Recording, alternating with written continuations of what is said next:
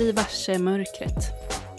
Så inleds det manifest som Johan Eklöf har författat i den hyllade boken Mörkermanifestet. Om artificiellt ljus och hotet mot en uråldrig rytm. Värna mörkret, uppsök det, lär dig mer om mörkret och fånga det. Så fortsätter manifestet. Bli dess vän och njut av det. Mörkret kommer att berika ditt liv. Jag kan väl erkänna att jag efter att ha läst Mörkermanifestet inte kan göra annat än att hålla med. Därför fortsätter Ekologigruppen och Artpodden att fokusera på det mörker som vi denna årstid omsluts av. För precis som Johan skriver tror vi att ju mer kunskapen om mörkrets förtjänster sprider sig, desto större är chansen att vi kan motverka det problem som en alltför upplyst värld orsakar. Ni lyssnar på Ekologigruppens podcast Artpodden och jag som pratar heter Emma Holmberg. I dagens avsnitt kommer jag att samtala om artificiellt ljus och naturligt mörker med fladdermusforskaren och författaren till manifestet Johan Eklöf. Ja, du har alltså skrivit ett manifest för mörkret, Mörkermanifestet. Mm, jag tänkte börja med att fråga, behövs verkligen detta? I ett land som Sverige där mörkret har lagt sig som en slöja över oss på vinterhalvåret. Varför skrev du egentligen boken? Nej, nej man, kan ju, man kan ju verkligen fundera på om det behövs ett eh, manifest och ett eh, slag för mörkret när man sitter så här i, eh, ja, mitt i vintern egentligen och det är mörkt dygnet runt. Men det som var tanken med boken var att egentligen påminna oss själva om att vi behöver det här avslappnande, riktiga mörkret. Vi människor som faktiskt förlitar oss på synen mest av alla sinnen eh, är ju utpräglade dagdjur. Och tyvärr så gör vi ju allt vi kan för att då lysa bort natten, lysa bort mörkret och få dagen liksom att bli längre. För att vi ska kunna göra saker som vi vill göra. Vad, vad det nu än är, om det är arbete eller umgås eller så.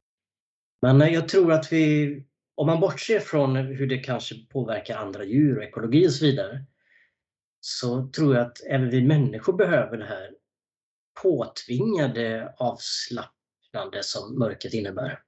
Men som, som du säger så, så ser vi ju egentligen väldigt illa i mörker. Ehm, jag läste i din bok att det tar ungefär en halvtimme för oss för att egentligen sätta igång någon typ av mörkerseende. Så det är väl egentligen inte så konstigt att, att vi människor att vi tyr oss till ljus och undviker mörker. Ja, nej, det, det är väl ganska naturligt för oss. Eh, vi är ju förhållandevis hjälplösa i, i, mörker. Det är vi ju faktiskt jämfört med många andra djur till exempel. Och eh, tanken är väl att vi ska ligga hemma och sova och samla energi till, till dagen efter och inte vara så aktiv i mörker. Eftersom vi inte ser så bra i mörker så vet vi inte riktigt vad som finns där ute heller. Då blir det att man är liksom naturligt mörkrädd också. Ja, precis.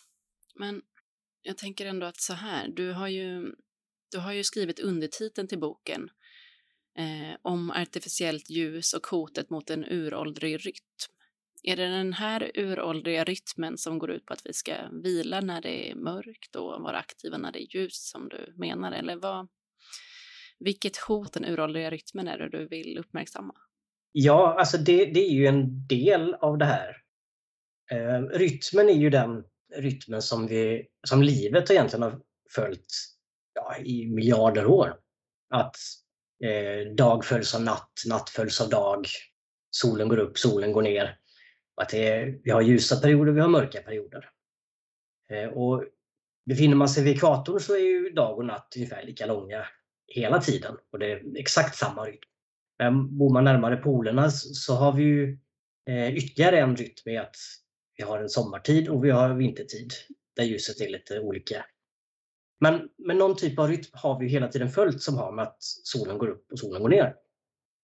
Och jämfört då med hur lång tid som vi har kunnat göra natt till dag, alltså genom att lysa upp med kommersiella lampor, det, det är ju kanske bara 100 år.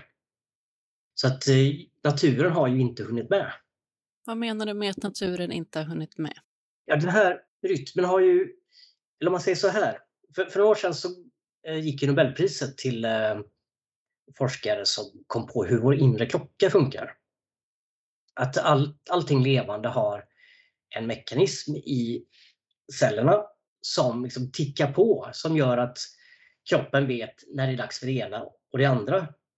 Det kan ju vara olika beroende på vad man är för någonting. Om man är växt så kanske det handlar om att öppna upp blommor. Är man ett litet djur så kanske det handlar om när, ska man, när vågar man vara ute och äta, när man vågar man inte vara ute och äta. Eller det kan handla om parning, det kan handla om flyttbeteenden eller äta och sova. Eller så. Och Den här klockan ser ungefär likadan ut i allt levande, eh, vare sig man är bakterie eller människa.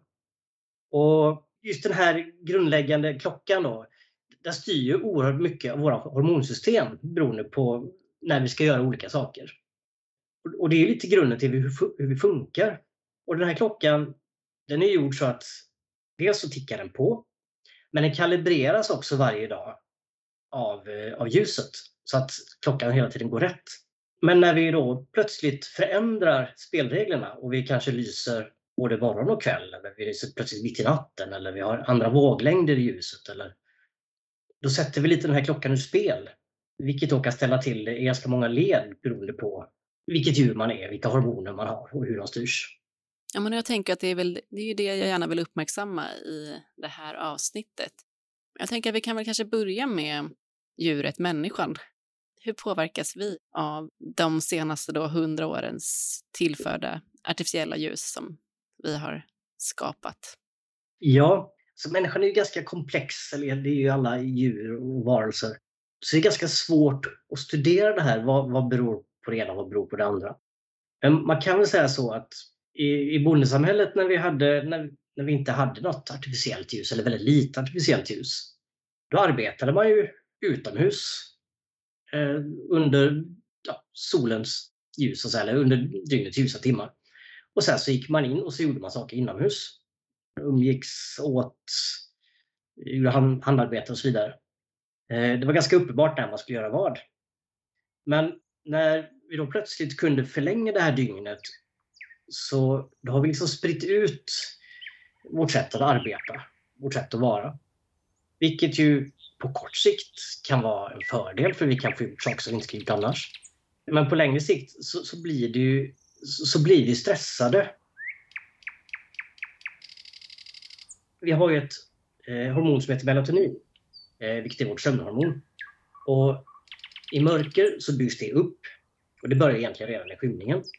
Och när vi har nått en viss mängd melatonin så, så varvar ju kroppen ner. Vi sänker temperaturen, vi blir inte hungriga och så vidare. Så kan vi sova och vila.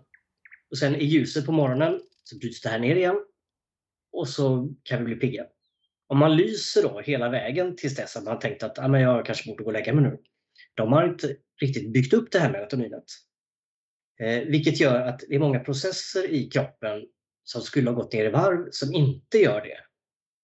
Eh, vi kan till exempel bli hungriga mitt i natten fast det, det är inte naturligt för oss. Vilket kan leda till fetma helt enkelt. Det är andra hormonsystem i, eh, som har med immunförsvaret att göra. Som triggas av melatoninets olika stadier så att säga.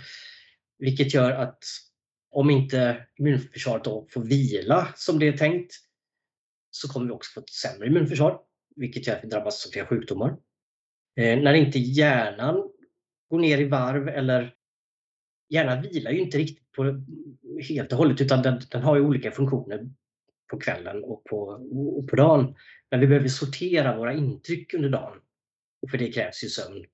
Och om det störs så, så kommer vi bli stressade och vi kan inte riktigt eh, slappna av som vi ska. Så det är väldigt mycket som påverkar, men det, det, allting i det här är, är väldigt diffust. Så det är så, därför är det så oerhört svårt att säga exakt vad det betyder för oss. För vi har ju också det här med tryggheten, att det är många som tycker att okej, okay, det är läskigt i mörker. Tänder jag lampa så ja, då kan jag slappna av för att jag är lugnare. Och det är svårt att separera den där känslan av trygghet till exempel med andra saker. Men en sak som man faktiskt har visat det är att skiftarbetare drabbas ju av en del sjukdomar mer än andra till exempel. Och att få skiftarbetare blir ju lite som att jobba med jetlag hela tiden. Då har man ju stört sin inre klocka. Precis så som ljuset kan göra.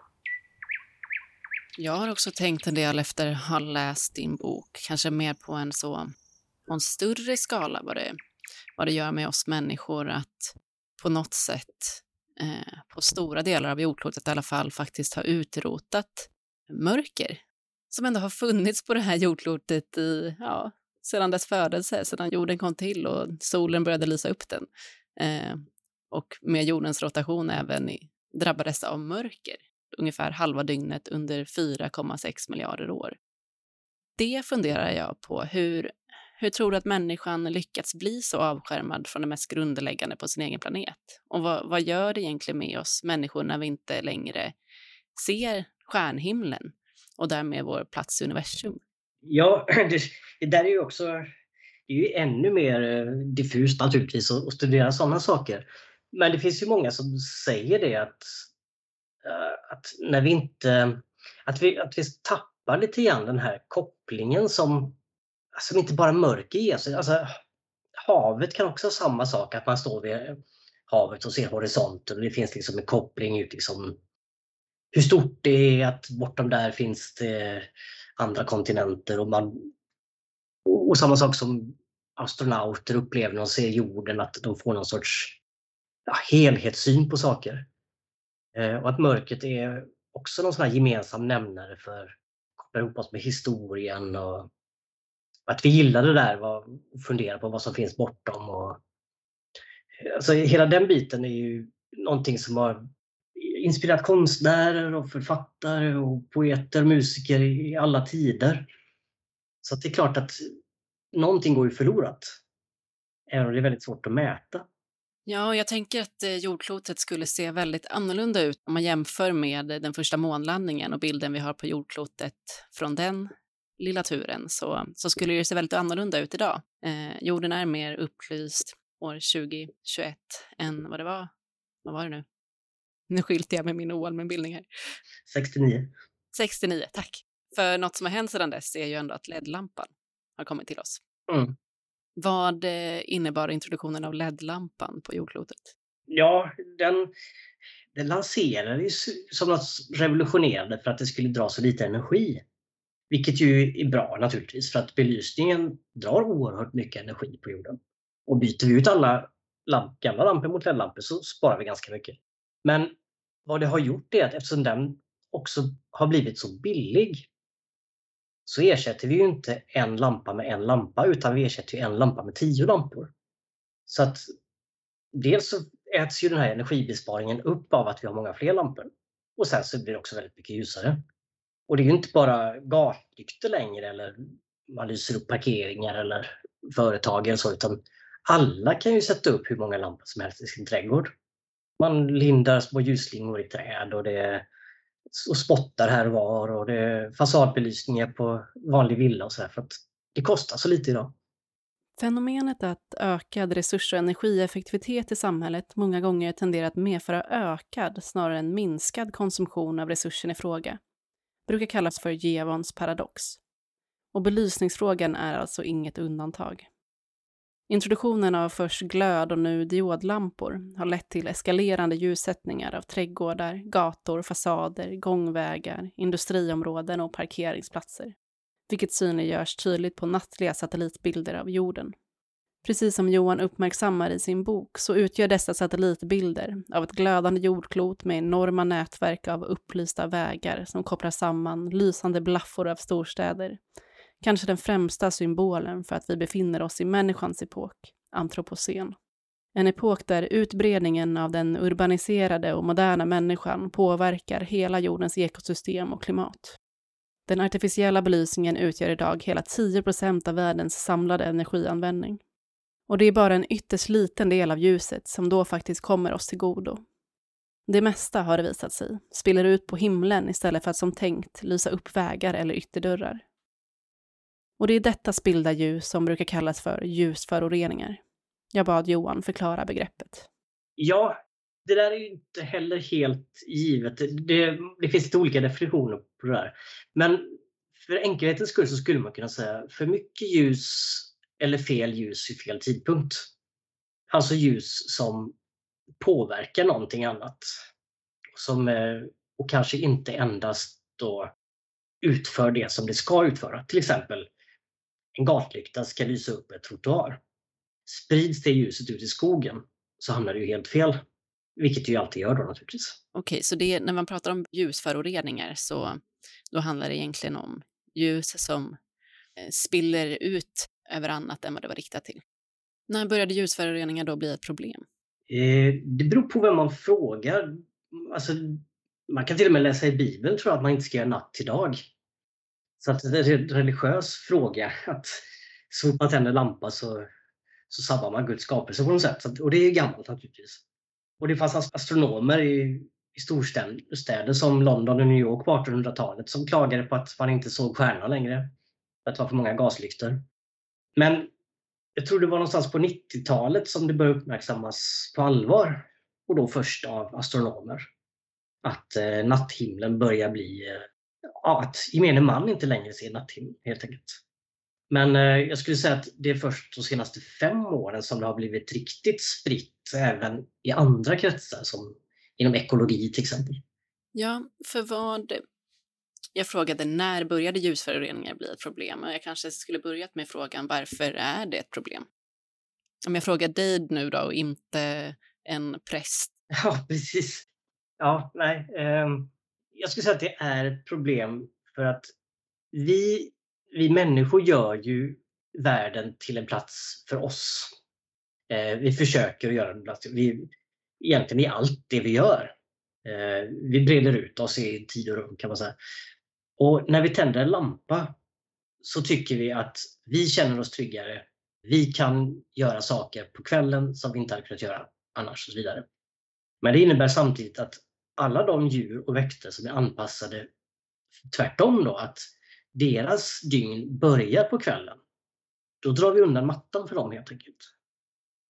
Ja, och det är ju inte första gången människan har dragit undan mattan för andra arter som bebor den här planeten.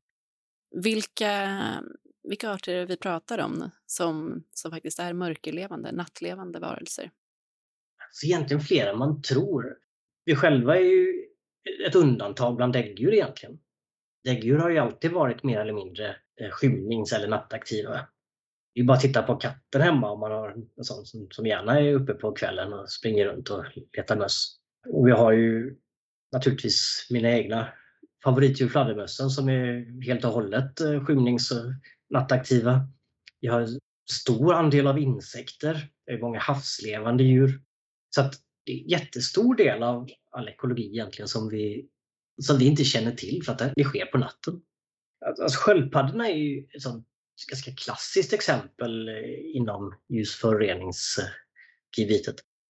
Sköldpaddor lägger ju, havssköldpaddor kryper ju upp och stränder, oftast i tropikerna, och så gräver de ner sina ägg. Och så kläcker de där äggen någonstans i, på natten. Och vad sköldpaddsungarna gör då, rent instinktivt, det är att de kryper mot den ljusaste punkten. Och den punkten är då alltså rent naturligt är horisonten och alltså vattenkanten. Men på de flesta stränder nu för tiden så är inte vattenkanten den ljusaste punkten längre utan det är snarare åt andra hållet där städerna breder ut sig. Så att de söker sig mot himlaglimmet från, från städer istället och går åt helt fel håll. Så man kan säga att det är 200 miljoner års instinkt som plötsligt bara slås ut för att det lyser en lampa bakom dem. Det är ett sånt oerhört tydligt exempel.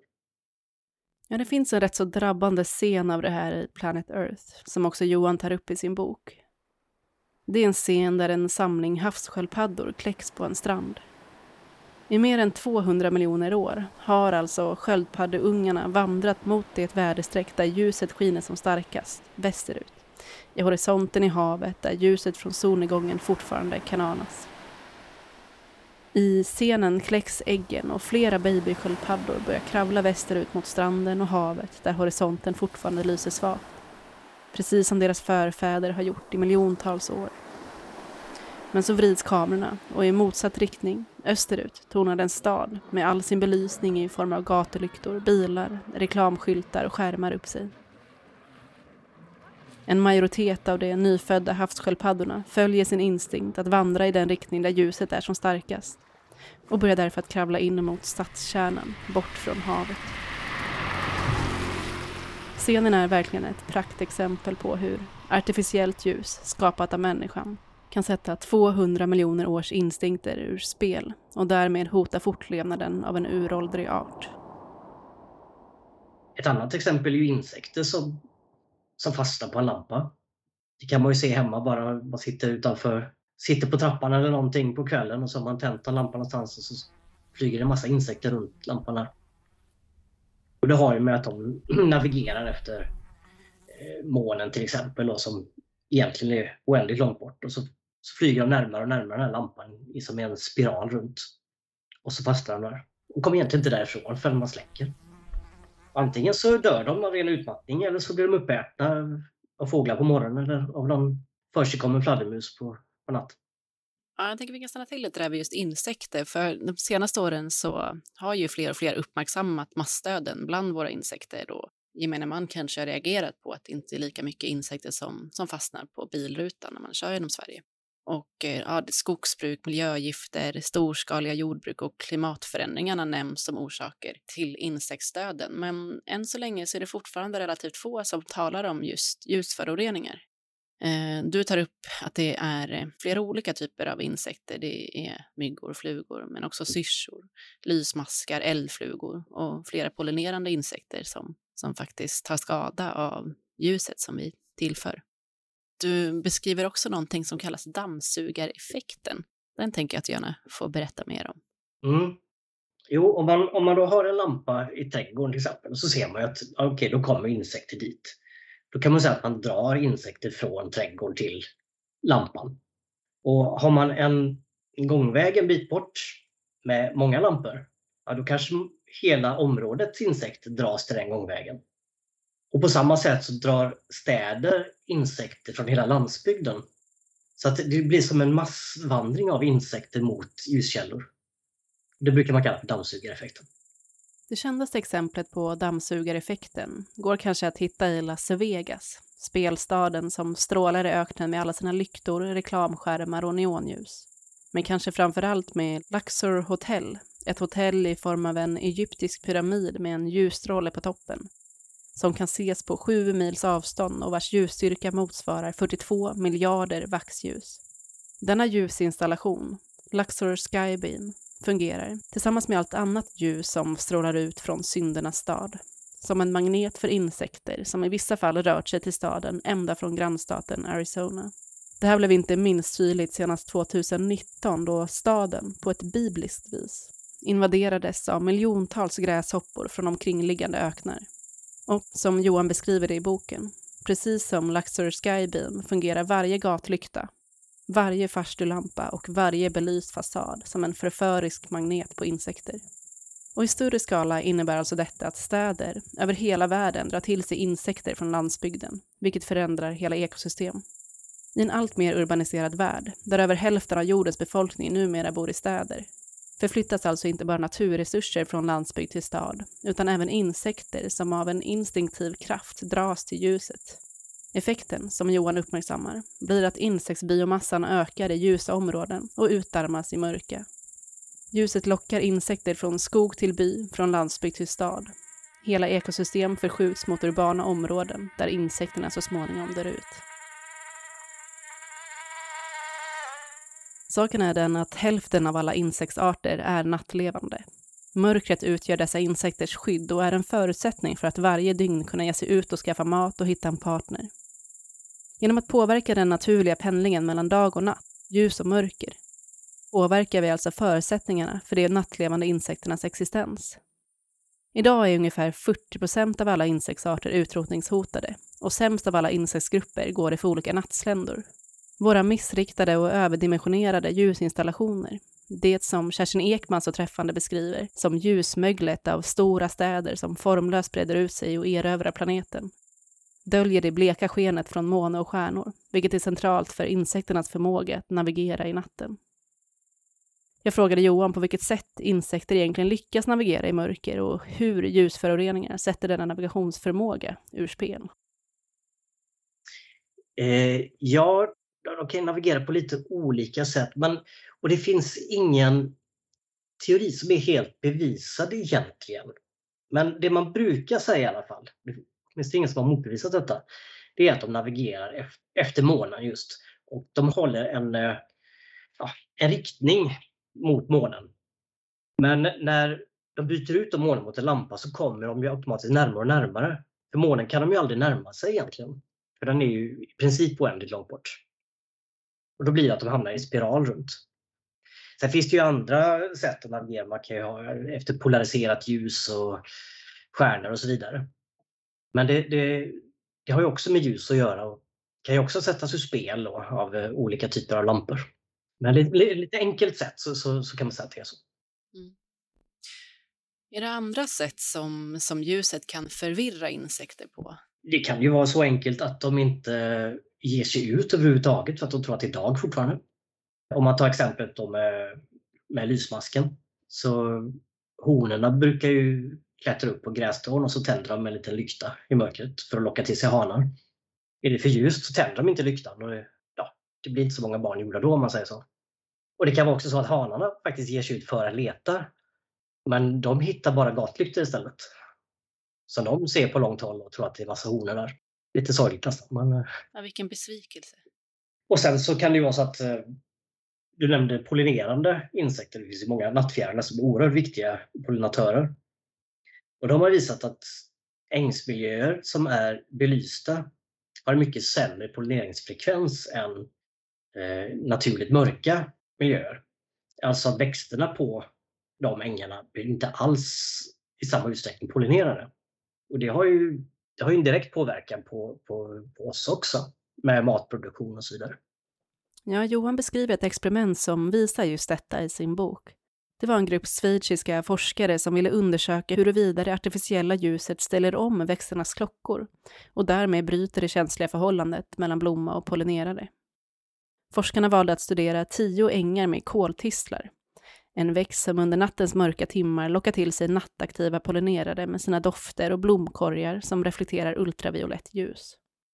Under experimentet lystes hälften av ängarna upp med vanligt förekommande gatulyktor. Hälften lämnades mörka det visade sig att antalet besök av insekter på de belysta koltistlarna var hela 62 procent lägre än det som lämnats i mörker.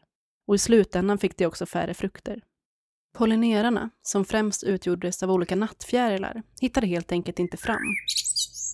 Men insekter är som sagt inte det enda som påverkas av mänskligt producerat ljus. Även fåglar, som också navigerar med hjälp av månen och stjärnorna, verkar påverkas, både positivt och negativt. Ja, fåglar, kan ju, fåglar är ju lite som vi, så att de förlitar sig mycket på syn. Och Det finns ju exempel på fåglar som drar nytta av ljuset på så sätt att de har längre tid på sig att äta, eh, längre tid på sig att para sig. De kan, man kan höra att de sjunger parningssånger som är sent på hösten. Vilket både har med att det är varmare att göra men även att det är ljusare. Vilket då kan gynna individer. Så. Men samtidigt har man sett att många fåglar har sämre immunförsvar i för ljusa områden. Så att även det som har kortsiktigt en positiv påverkan kan som utsätta dem ändå för någon typ av stress. De är till exempel smittbärare längre av olika typer av virus i ljusförorenade områden. Och det kan ju vara viktigt i sådana här tider att fundera över.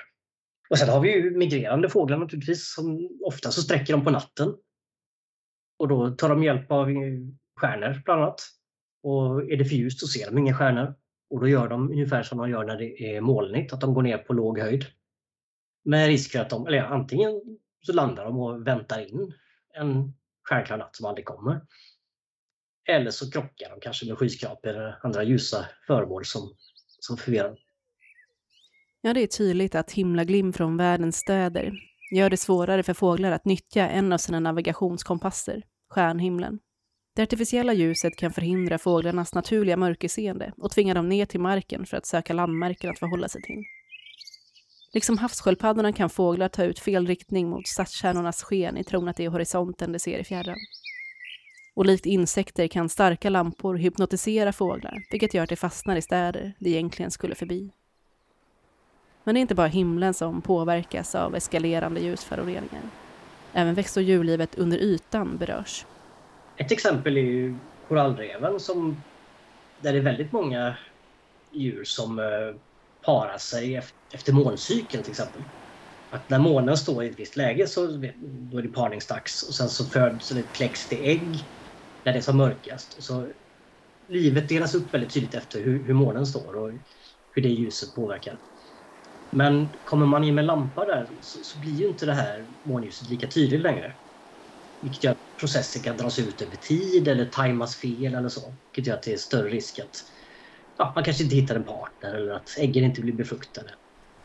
Koraller är inte de enda vattenlevande organismerna som styr sitt liv utifrån månens sken.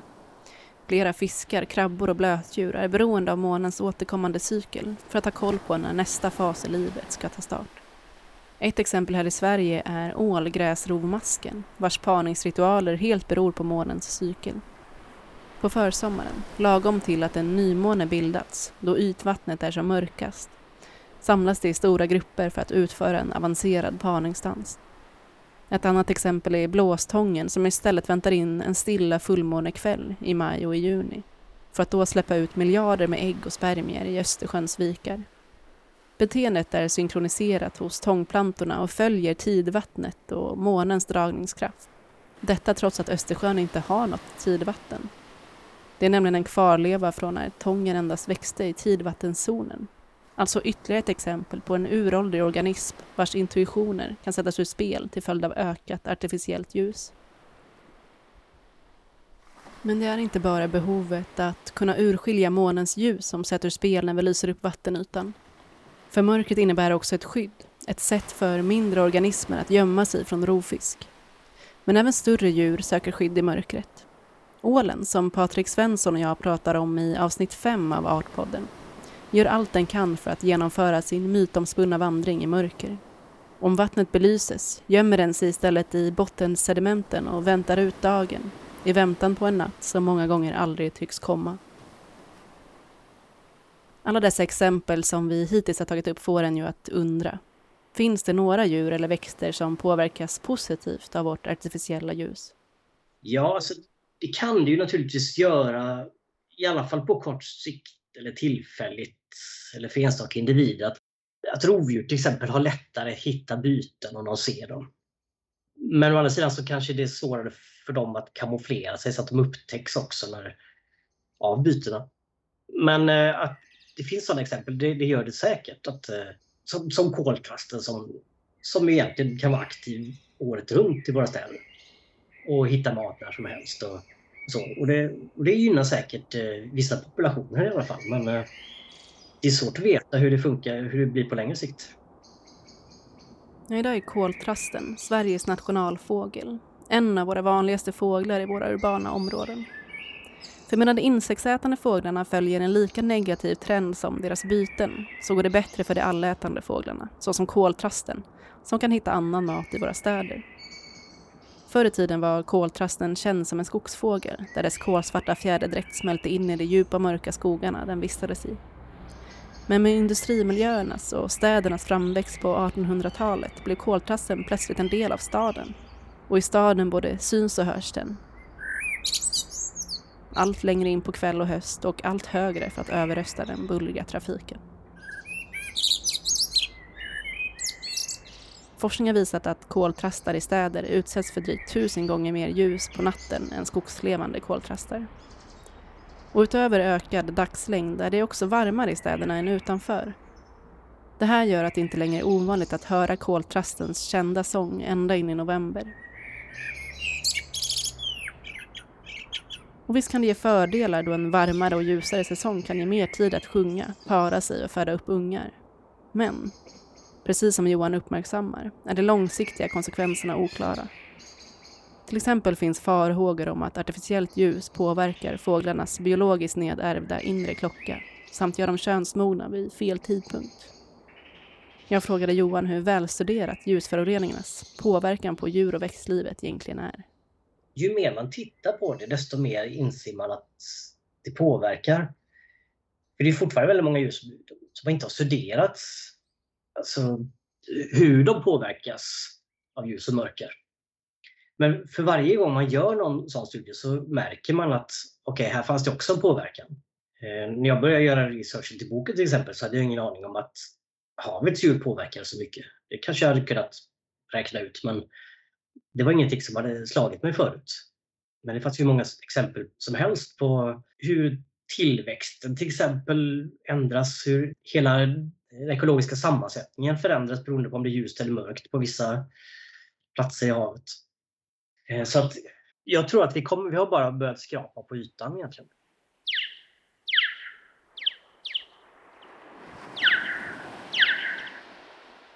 Finns det då några platser, några mörka platser kvar? Har du tips på, på några ja, mörkare platser om man, om man vill ge sig ut i mörkret?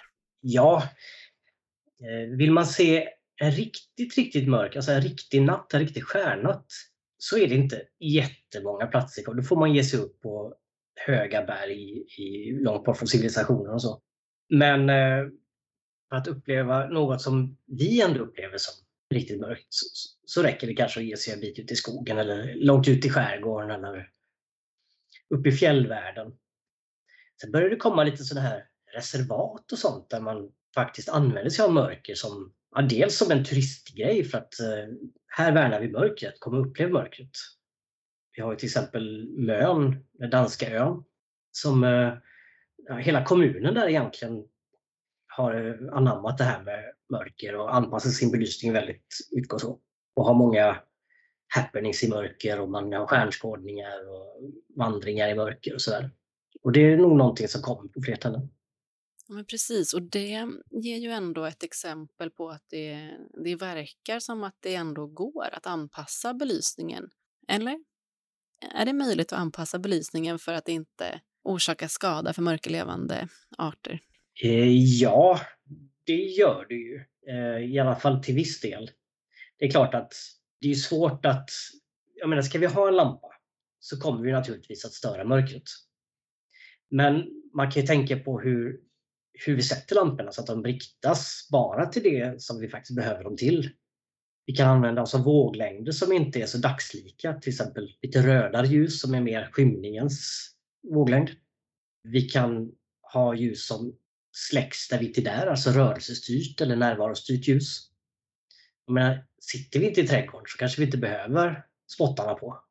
En gångväg som ingen går på klockan två på natten kanske heller inte behöver vara ljus. Så att på det sättet kan man ju styra rätt mycket. Och bara lampor som inte lyser uppåt eller slingor i träd, alltså den typen av belysning som enbart är estetisk. Kan vi skippa den så har vi kommit ganska långt också. Ja, så det finns alltså praktiska belysningslösningar i det här, eller i alla fall halvväga lösningar. Men frågan är, vi kanske även behöver hitta någon typ av trygghet i mörkret, eller tror du att människan är anpassningsbar på det sättet? Går, går det att vänja oss tillbaka vid en mörkare tillvaro? Ja, men det tror jag. Om man är medveten om hur mycket lampor faktiskt kan störa så tror jag att det går också att vänja sig. Och det är mycket en vanesak att röra sig i mörker. Och vi har ju ändå ett mörkerseende som funkar hjälpligt för att röra oss. Kanske inte mitt i skogen eller så, men är det lite månljus så en öppen eh, plats så, så kan vi faktiskt se. I fullmånesken kan vi ju faktiskt se till rätt bra. Men det upplever vi inte riktigt när vi har mycket lampor runt omkring som gör att ögat hela tiden ställer in sig på det ljusaste. Så att vi får aldrig chansen riktigt att öva på det här med mörker. Om, ehm, om du skulle ge några tips då till våra lyssnare. Hur kan man öva på, på att möta mörkret? Det är väl egentligen som med allt annat. Som om man har en rädsla för någonting så ska man försöka utsätta sig för det. Det kanske räcker att sitta hemma i fåtöljen, bara liksom luta sig tillbaka och släcka lampan och se, känna att det är faktiskt är avslappnande och inte ha en massa synintryck hela tiden. Eh, att i sin egen trädgård, att vara ute när det är mörkt eller att ta en promenad där det faktiskt är upplyst och ha med sin egen lampa istället för att förlita sig till att det finns ljus runt omkring. Eh, att, att gå på stjärnskådning, fladdermus-safari, kolla norrsken, alltså sånt som bara går att uppleva i mörker. Får man liksom en liten blick in i en annan värld som man inte är van vid. Och om det är någon som lyssnar som känner att den vill, den vill göra något för att minska mängden ljusföroreningar, vad, vad har du för tips då? Ja, har man har man en egen trädgård och styr lite över sin belysning runt omkring, då kan man ju se till att man släcker när man inte är där. Eller att inte rikta ljuset mot växtlighet och vatten och så. bor man i lägenhet och kanske inte styr riktigt över hur det ser ut runt omkring så kan man ju, kan börja med att dela en upplevelse med någon annan. Att eh, faktiskt besöka någon mörkerpark eller gå på en nattfjärilsvandring eller sånt där. För att få fler att uppleva det här mörkret. Och på så sätt så kommer man ju så småningom att ja, då kanske vi inte vill lysa sönder allting. Och sen på en större skala då? Tror ni att fler kommuner skulle kunna göra som Mön eller som La Palma där, som också har infört stjärnreservat med, med mer kommunala restriktioner vad gäller ljusbeläggningen? Men det tror jag, för det har ju införts en del sådana här bullerfria zoner och tysta områden och sånt här. Så det kan man tänka sig att det blir en del mörka områden också. Om inte annat så för ren turistsynpunkt. Och då finns det ju plötsligt pengar i det hela. Och även ur energisynpunkt så kan det finnas pengar att spara på att släcka. Så det, det, är inte omöjligt. Och det, i många länder så börjar det komma lite lagar och regler kring hur man ska fundera på belysning. Så jag tror nog att det kommer att bli bättre. Tror du att vi kommer vi att se mindre himlaglim framöver och mer stjärnor? Jag hoppas att vi kan se mindre av himlaglimmet över mindre samhällen i alla fall. Att större stadskärnor kommer nog fortsatt vara väldigt ljusa men det kanske inte behöver vara så ljust i mindre samhällen. Att där kanske det är lättare att vilja plocka fram sin stjärnhimmel och värna den. Om det är någon som jobbar med belysningsfrågor eller på andra sätt vill värna stjärnhimlen och arbeta för att minska mängden ljusföroreningar i samhället vill jag passa på att bjuda in till Ekologigruppens och Artpoddens mörkerwebbinarium den 27 januari. Vi avslutar då vår mörkerserie genom att återigen bjuda in Johan Eklöf, men också ljusdesignern Anna Wernborg, för att tillsammans med mina kollegor Johan Almer, Ulrika Hamrén och Elinor Charin diskutera hur vi på bästa möjliga sätt kan belysa våra städer och parker utan att förstöra livsförutsättningarna för nattaktiva djur. Missa inte det här och anmäl er gärna redan idag på Ekologigruppens hemsida. Tack så mycket för att ni har lyssnat och sist men inte minst, värna mörkret.